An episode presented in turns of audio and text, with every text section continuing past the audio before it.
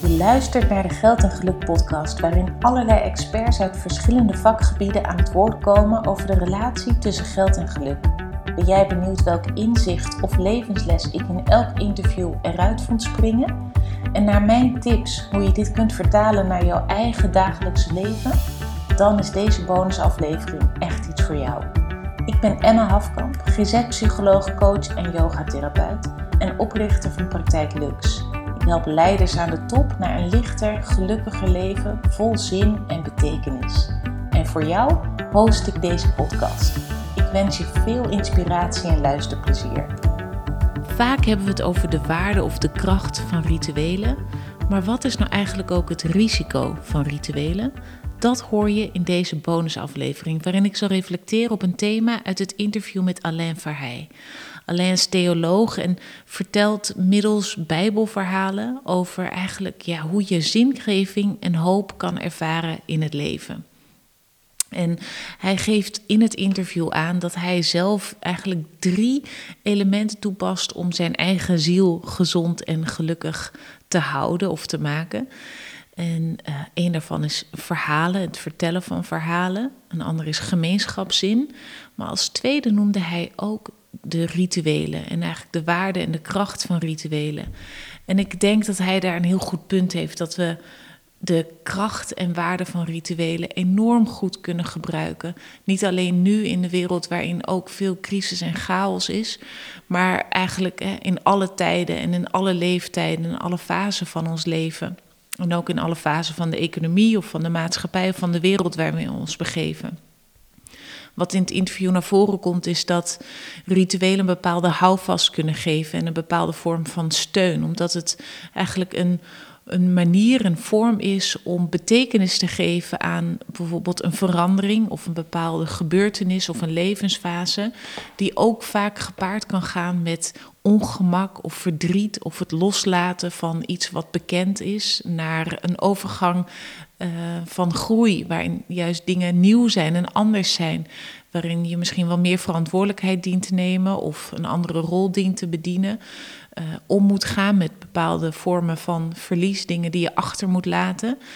En juist rituelen en, een vaste, voorgeschreven, uh, bijna protocollen zou je kunnen zeggen, kunnen je helpen om een steunend gevoel te ervaren om deze overgang door te komen.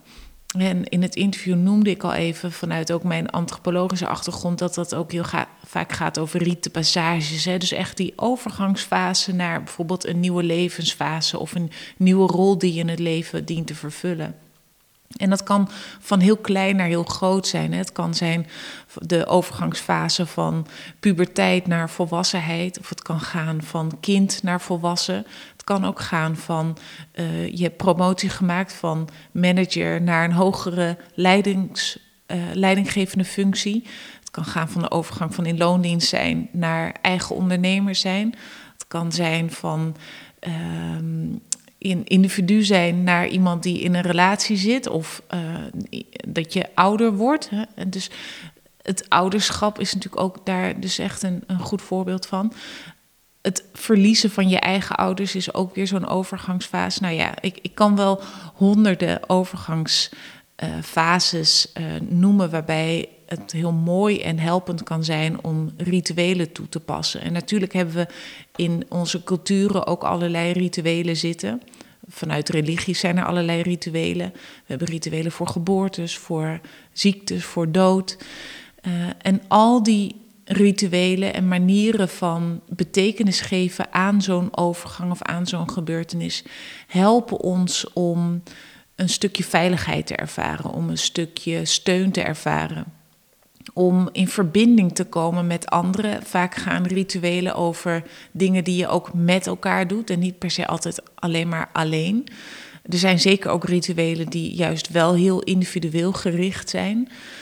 Uh, maar de kern van alle rituelen, en daar zit denk ik dus ook de kracht en de waarde, is dat het een steunende en betekenisgevende vorm is om door bepaalde overgang heen te komen die vaak juist als moeilijk, lastig of ongemakkelijk ervaren wordt. Maar deze bonusaflevering heb ik niet voor niks ook het risico van rituelen genoemd. Ehm, omdat ik denk dat juist vaak de kracht en de waarde van rituelen goed benoemd wordt en ook wel redelijk bekend is. Maar dat er ook zeker een risico aan zit. En daar wil ik ook nu juist wat aandacht aan geven, zodat je bij jezelf ook kan nagaan in hoeverre zijn de rituelen die jij toepast in jouw leven van waarde? Voegen ze iets toe? Zijn ze inderdaad helpend? En in hoeverre doe je ze eigenlijk misschien op automatische piloot of omdat je denkt dat het hoort of omdat je denkt dat het je dient, terwijl als je er echt bij stilstaat, is dat misschien niet zo. En daar zit dan precies het risico. Want we kunnen rituelen ook vaak wel gaan verwarren op een gegeven moment met bijvoorbeeld routines of gewoontes. Waarbij het gaat over het uitvoeren van een handeling zonder dat het eigenlijk echt nog betekenis geeft of van waarde is. Maar dat het er meer over gaat dat je het uitvoert omdat het zo hoort of omdat je dat zo gewend bent geraakt. Een ritueel kan bijvoorbeeld zijn dat je, uh, of de, waarvan je kan denken dat het een ritueel is, heel simpel zou kunnen zijn het tandenpoetsen. Dat een overgangsfase kan uh, betekenen van eigenlijk het opstaan, het ontwaken uit de nacht en de dag ingaan, of juist andersom, de dag afsluiten en de nacht ingaan. Maar het gevaar van dat soort handelingen zien als rituelen is dat, dat je denkt dat het je helpt, terwijl dat misschien niet zo is. En nou is dat natuurlijk bij tandenpoetsen hè, niet zo, want nou, dat is heerlijk en heel gezond en heel goed om te doen. Maar nou zijn er ook heel vaak, en zeker als je wat meer begeeft in de scenes waarin allerlei uh, gezondheids tips en tricks worden gedeeld met ochtendrituelen en avondrituelen en dagrituelen, kan je eh, eh, het risico lopen dat je denkt dat je al deze dingen moet doen en dat het dus bijna to-do's worden of moetjes worden die eerder stress opleveren. Zeker als het bijvoorbeeld niet lukt om het allemaal uit te voeren of als je. Um, voelt dat het veel te veel is en het lukt wel, maar je bent eigenlijk alleen maar jezelf achterna aan het rennen om al die rituelen maar daaraan te voldoen. En dan kan het bijvoorbeeld gaan over ochtendritueel met heel vroeg opstaan, waarbij je uh, tijd voor jezelf hebt, uh, gaat journalen, gaat schrijven, een koude douche nemen uh, of een ijsbad nemen, mediteren, beweging, sport. En dat je dat misschien wel allemaal dient te doen voordat de dag echt begint. In de zin van dat de maatschappij begint te draaien, dat je kinderen wakker worden of dat je aan het werk gaat. Um, avondrituelen, hè, zijn ook allerlei voorbeelden van. Met uh, na negen uur geen telefoon of geen schermen meer, uh, geen fel licht. Geen, um, dan geen sportactiviteit meer, maar misschien nog wel een wandeling na het avondeten. Niet te laat eten, op tijd naar bed. Misschien de avond ook nog weer journalen of dankbaarheidsoefeningen doen. Nou ja, zo uh, kan je bijna een hele podcast vullen met eigenlijk opsomming van alle dingen die je kan doen en die worden aangeraden. En ik denk dat het daarbij heel belangrijk is om in de gaten te houden welke rituelen zijn nou dienend voor jou en welke rituelen kunnen misschien inderdaad wel dienend zijn voor anderen, maar hoef jij niet allemaal ook te doen. Wanneer, en ik denk dat dit de centrale vraag is die je mag stellen, is uh, is het genoeg? Hè? Wanneer is goed genoeg?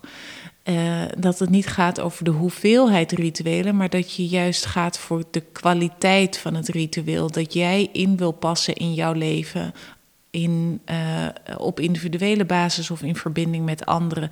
En dat je ook eens namen gaan over welke rituelen geven nou ook echt betekenis aan die overgang van dag naar nacht of andersom, of aan jouw dag of aan jouw grote nog leven.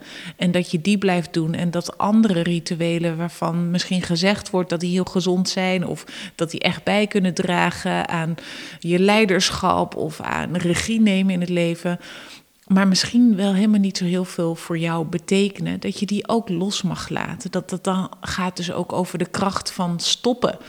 Dat je besluit, ik ga dit niet allemaal meer doen, maar ik kies er één of twee of misschien drie uit die voor mij echt waardevol zijn. Of die voor mijn omgeving echt waardevol zijn. En de rest laat ik zitten. En dus dat gaat over de kracht van keuzes maken. En met die afweging kan je dus in de gaten houden van welke rituelen dragen voor mijn gevoel echt wat bij aan jouw leven en aan de zingeving van jouw leven. Uh, welke rituelen hebben dus echt betekenis voor mij en welke ben ik eigenlijk stiekem vooral aan het doen omdat dat hoort of omdat dat in het plaatje past. En mag ik die dus los gaan laten? Als je dan dus daarover na gaat denken en dus veel meer op kwaliteit gaat selecteren en niet zozeer op kwantiteit, dan kun je de rituelen juist optimaal gaan inzetten in jouw leven. Door dus en een selectieve keuze te maken, die rituelen met volle aandacht en concentratie uit te voeren en ze dus echt voor jou laten werken, in plaats van dat je in het risico trapt dat ze tegen jou werken omdat ze stress opleveren of ehm, eh, spanning qua tijd opleveren, of misschien wel gewoon eigenlijk vrij leeg zijn. Ook al wordt het dan verpakt als een mooi ritueel, maar leeg in de zin van dat het eigenlijk helemaal niet zoveel toevoegt aan jouw leven. dus een ritueel optimaal inzetten gaat over welke bewuste keuzes maak je Welke rituelen kies je op basis van kwaliteit, op basis van waarde en op basis van betekenisgeving? En tot slot, ehm, als je nu denkt, ja, maar uh, er is nog steeds zoveel uh, te kiezen. En er zijn natuurlijk uh, rituelen die veel meer gaan over grote overgangsfases. En nou, ik heb nu een aantal voorbeelden genoemd die ook hè, over hele kleine dingen gaan in het leven. Maar welk ritueel zou je nou nu direct kunnen inzetten dat direct invloed gaat hebben op jouw gevoel van geluk? Uh, wil ik toch terugkomen op het ritueel van uh, dankbaarheid. Want wat inmiddels heel duidelijk bewezen is, is dat op het moment dat jij je somber voelt, ongelukkig voelt, uh, verdrietig voelt, leeg voelt, eenzaam voelt, naast dat ik een enorme voorstander ben van het doorvoelen van deze gevoelens en te ontdekken welke boodschap deze gevoelens aan jou willen geven, hoef je daar niet in te blijven hangen. Dus op het moment dat jij een, eigenlijk hè, even denkt, nou, ik wil hier uitstappen, ik heb erin gemarineerd, ik heb erop gereflecteerd, ik heb het doorvoeld en nu is het weer tijd voor iets anders, dan zou je een heel mooi ritueel kunnen doen in de vorm van op dat moment stilstaan, vertragen en bedenken. Waar ben jij dankbaar voor? Want op het moment dat jij je dankbaar voelt, kan dat simpelweg niet samengaan met al die andere gevoelens die ik net opzomde. Dankbaarheid kan niet samengaan met tegelijkertijd boos, verdriet, frustratie of angst voelen. Dus een ritueel van betekenis, omdat het gaat over positiviteit, over hoop, over verbinding met jezelf, verbinding met de wereld, verbinding met jouw gevoel van geluk, is op dit moment nu te vertragen en jezelf af te vragen: waar ben ik dankbaar voor? Ik hoop dat je genoten hebt van de aflevering en dat je geïnspireerd bent geraakt. Wil je geen enkele aflevering missen? Abonneer je dan op de Geld en Geluk podcast door op de knop volgen of abonneer te klikken. Ook zou ik het ontzettend waarderen als je een review achter wil laten in de app waarmee je deze aflevering hebt geluisterd. En heb je nu het gevoel dat jij ook op zoek wilt gaan naar hoe jij een lichter, gelukkiger en meer betekenisvol leven kan gaan leiden? Kijk dan mijn aanbod op de website www.praktijk-lux.nl of stuur een e-mail naar info Ook kan je met mij contacten op LinkedIn of Instagram. Ik kijk er naar uit om je te ontmoeten.